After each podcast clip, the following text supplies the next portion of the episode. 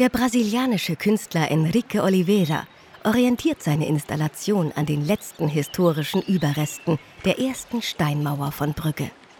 Diese Reste befinden sich hier am Pottenmarkers Rey. Ende des 14. Jahrhunderts taucht zum ersten Mal der Name Pottenmarker Straat auf. Wahrscheinlich ein Hinweis auf die Töpfer, die sich damals dort niedergelassen hatten, oder auf die Topfgießer, die Zinntöpfe herstellten.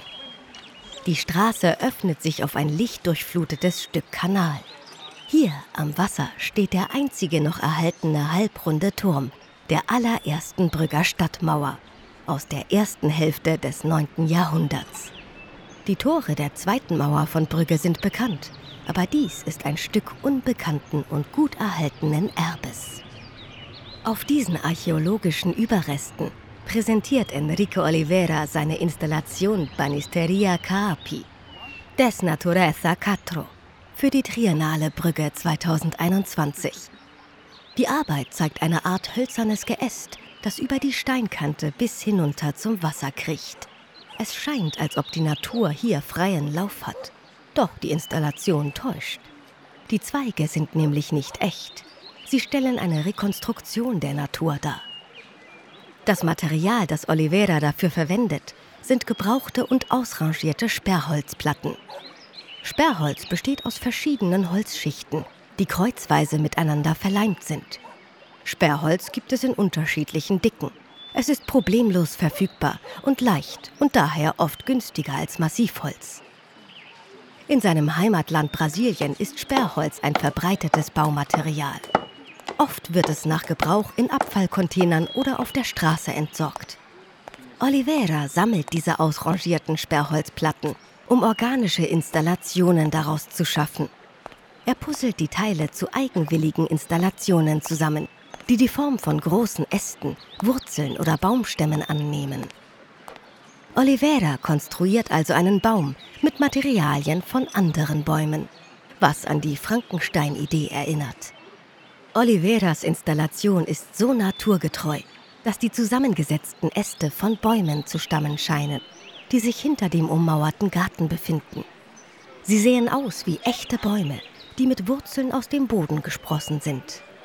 Die Installation erinnert auch an die natürliche Vegetation, die oft auf archäologischen Überresten zu finden ist. Die Installation scheint lebendig zu sein. Oliveras Arbeit ist eine künstlerische Umsetzung eines ökologischen Prozesses. Sie regt uns als Besucher zum Nachdenken darüber an, wie sich zeitgenössische Kunst in einer historischen Stadt zeigen lässt. Er spielt auch ein Spiel mit unserer täglichen Realität. Er zeigt uns, was sich hinter der Realität verbirgt und wie das unbewusst Vorhandene dennoch unser Denken bestimmen oder lenken kann.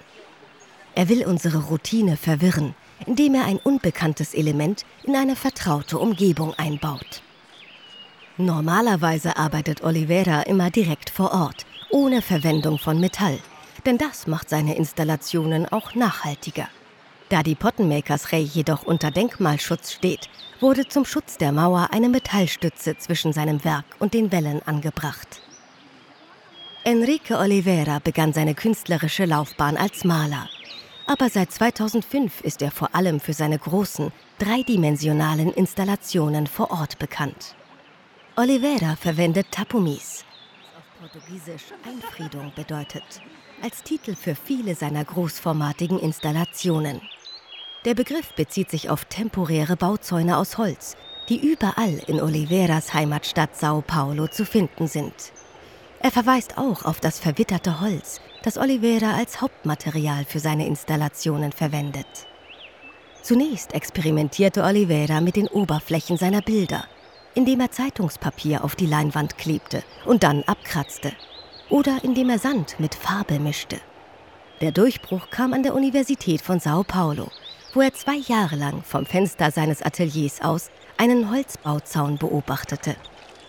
Nach einiger Zeit verglich Oliveira den Verfall des Holzes und die verschiedenen Schichten mit dem Prozess der Malerei.